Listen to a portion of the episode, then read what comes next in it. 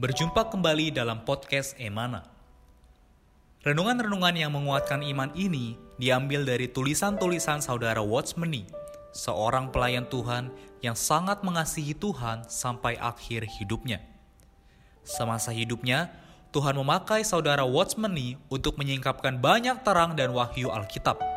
Di antaranya adalah mengenai salib, mengenai Kristus sebagai hayat, juga mengenai kesatuan tubuh Kristus. Kami berharap kehadiran podcast Renungan Emana, khususnya di masa pandemi virus hari ini, dapat menghibur dan menguatkan iman Anda. Podcast Renungan Emana dapat Anda dengarkan melalui aplikasi Emana dan Spotify. Anda dapat menghubungi kami pada nomor hotline Emana di 0851 5677 2397 Sekali lagi Anda dapat menghubungi kami pada nomor hotline Emana di 0851 5677 2397. Buku-buku saudara Watchmeni secara lengkap dapat Anda peroleh di toko buku Yasmerin, Tokopedia, Google Playbook, atau di website resmi yasmerin.com. Selamat menikmati seri renungan hari ini. Saudara-saudari yang terkasih di dalam Tuhan, salam damai sejahtera bagi kita semua tetap di tengah situasi pandemi kita bisa mengucap syukur karena Allah lah sumber kesanggupan kita dan Allah lah yang juga menjadi sumber penghiburan kita. Kita tetap terus berdoa agar bangsa dan negara kita ada di dalam perlindungan Tuhan. Kami dari tim Emana juga uh, mengingatkan pada saudara-saudari sekalian bahwa kami juga ada pelayanan doa anda bisa menghubungi hotline kami kapan pun, di mana pun, uh, supaya kita bisa juga bersama-sama berdoa bagi kondisi dan situasi di tengah-tengah kita. Moga Tuhan mendapatkan jalan untuk menguatkan dan juga menghibur kita. Puji Tuhan, hari ini uh, kita akan melanjutkan pembahasan mengenai perkara minta maaf dan ganti rugi dan bersama saya ada Saudara Jeffrey. Kami akan bersama-sama melayani meministrikan firman. Saudara Jeffrey, bagaimana kabar di Pangkal Pinang, saudara? Puji Tuhan, kami masih dalam kondisi aman, sehat-sehat, saudara Moses. Amin. Amin. Puji Tuhan. Ya tetap sukacita ya dalam pelayanan ya, saudara ya. Amin. Moga, kita juga melalui pelayanan hari ini, uh, kita di mana pun uh, kita berada, di belahan Indonesia bagian mana pun, juga bisa mendapatkan suplai yang uh, kuat, khususnya perkara minta maaf dan ganti rugi ini merupakan satu perkara yang sangat praktis dan kenapa kita perlu mengetahui hal ini? Karena ini akan menjadi uh, terobosan di dalam hubungan kita dengan Tuhan. Terus jadi kalau kita punya uh, sekatan dengan Tuhan karena tidak ada perkara ganti rugi dan minta maaf, maka sebenarnya yang dirugikan adalah diri kita. Nah, hari ini kita akan melihat apa yang ada di dalam Matius pasal 5. Saya bacakan ayatnya nanti sudah Jeffrey bisa elaborasi uh, mengenai ayat ini.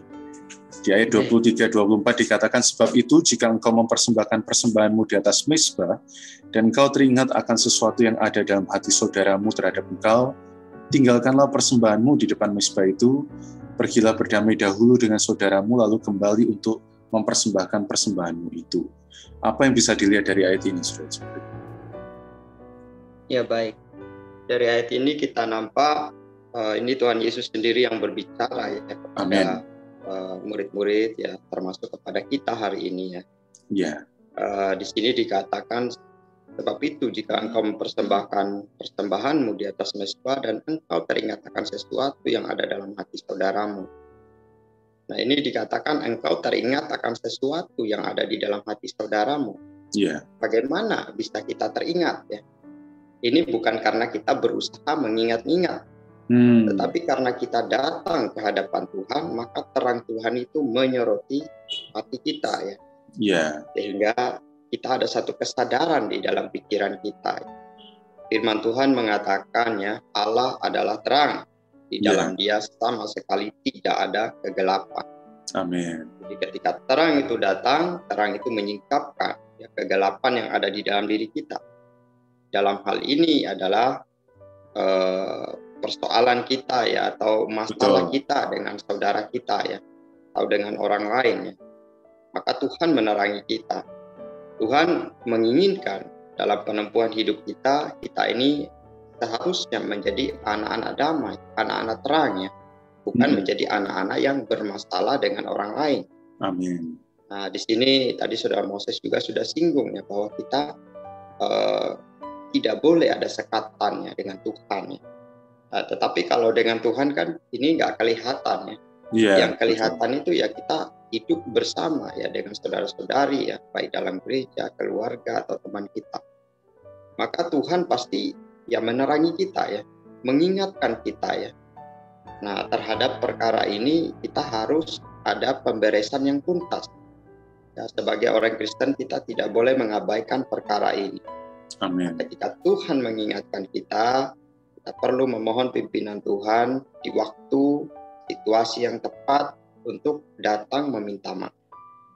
Dalam hal ini eh, perkara yang dibereskan di sini penekanannya bukan pada perkara material ya, tetapi perkara ada mungkin sesuatu tindakan perkataan kita yang menyinggung seseorang, yeah. orang saudara atau saudari dalam hidup gereja atau keluarga kita.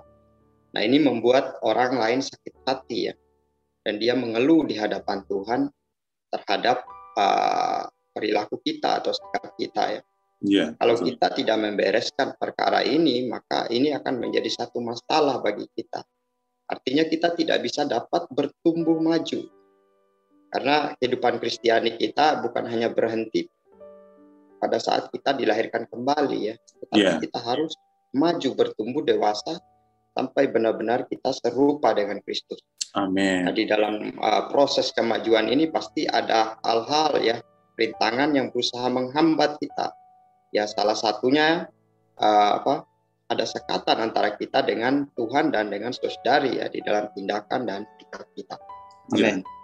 Betul ya, ini serupa dengan paragraf kedua ya di pembacaan hari ini, saudari saya bacakan kalau Anda berdosa kepada saudara tersebut ya, merugikannya, membuat hatinya tidak terima, membuatnya merasa Anda curang, dan ia mengeluh di hadapan Allah karena Anda, niscaya persekutuan rohani dan jalan rohani Anda akan terputus di hadapan Allah. Wah ini bahaya sekali ya, Saudara Jeffrey ya.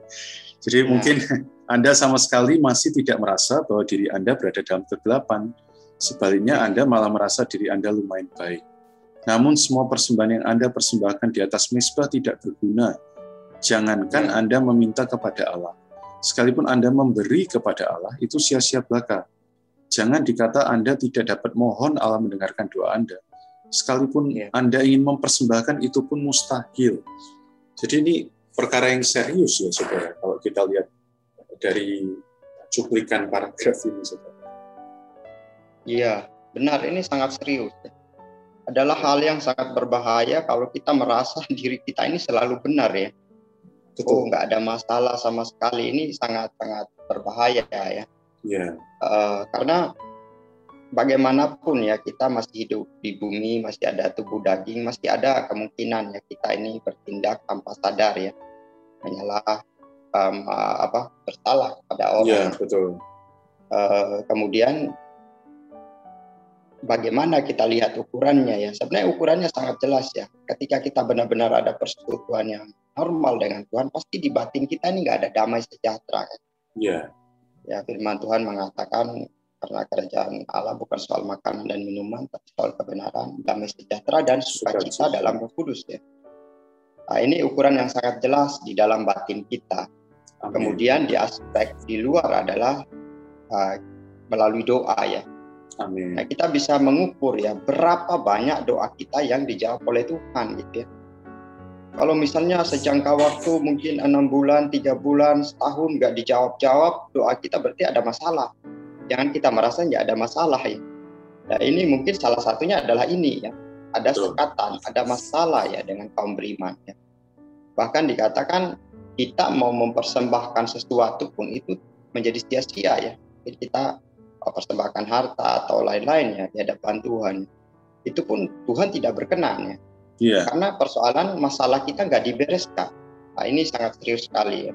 Amin. Kita seharusnya tidak boleh menjadi orang yang menganggap sepele perkara ini. Saya pernah uh, ada satu pengalaman juga ya, situasi ya saya bersalah ya. Nah, awalnya ya ketika di dalam doa saya saya merasa apa ya Tuhan terangi saya saya merasa dengan banyak alasan saya mengatakan ah dialah yang bersalah uh, mengapa dia terlalu berespon demikian gitu ya. Betul. Tetapi semakin saya berusaha untuk membenarkan diri semakin di batin saya tidak tenang. Gak damai ya. Akhirnya iya. Nah ini ukuran yang sangat jelas ya. Meskipun saya merasa benar tapi di batin nggak damai. Betul. Nah ini akhirnya ya saya mohon ampun sama Tuhan ya. Saya mohon minta waktu yang tepat untuk membicarakan, meminta maaf terhadap uh, saudara atau saudari tersebut. Ya. Akhirnya Tuhan pimpin ya. Saya belajar minta maaf ya Nah, memang ini nggak mudah ya, karena apalagi kalau kita merasa kita yang benar ya. Betul. Tetapi di hadapan Tuhan bukan masalah benar atau salah. Benar, salah. Ya. Asalkan di dalam batin kita nggak ada damai sejahtera, ya kita udah nggak tepat gitu ya. Ya udah bereskan gitu ya. Ya setelah saya bereskan ya hati saya damai, Amin. saya tenang. Amin. Amin. Ya, saudara-saudari ini pelajaran yang sangat penting ya. Tadi saudara Jeffrey ada kemukakan beberapa poin kalau kita tidak damai, hubungan kita dengan Tuhan sebenarnya makin rajin tapi kok ada semacam uh, sesuatu yang tersumbat. Uh, saudari itu adalah satu alarm dari Tuhan ya bahwa mungkin ada beberapa hal yang perlu dibereskan. Dan yang kedua hmm. adalah jangan anggap ringan doa-doa kita ini tidak dijawab ya. Doa-doa yang tidak terjawab itu adalah juga salah satu indikator adanya sekatan. Karena Tuhan kita adalah Tuhan yang menjawab doa dan Dia suka Amen. mengabulkan doa kita. Ya, Amen. tadi sangat baik dari Saudara Jeffrey. Moga ini juga menerangi kita semua. Saya tutup dengan satu bacaan ya bahwa anak-anak Allah harus dengan seksama belajar dalam hal ini. Baik itu merugikan benda material, ya harus mengganti rugi. Berdosa kepada orang lain harus minta maaf segera mengganti rugi dan segera meminta maaf. Jangan sampai saudara-saudari menaruh dendam terhadap kita. Ini penting sekali ya. Kecuali hati nurani sangat bersih, kesalahan tidak ada pada pihak kita.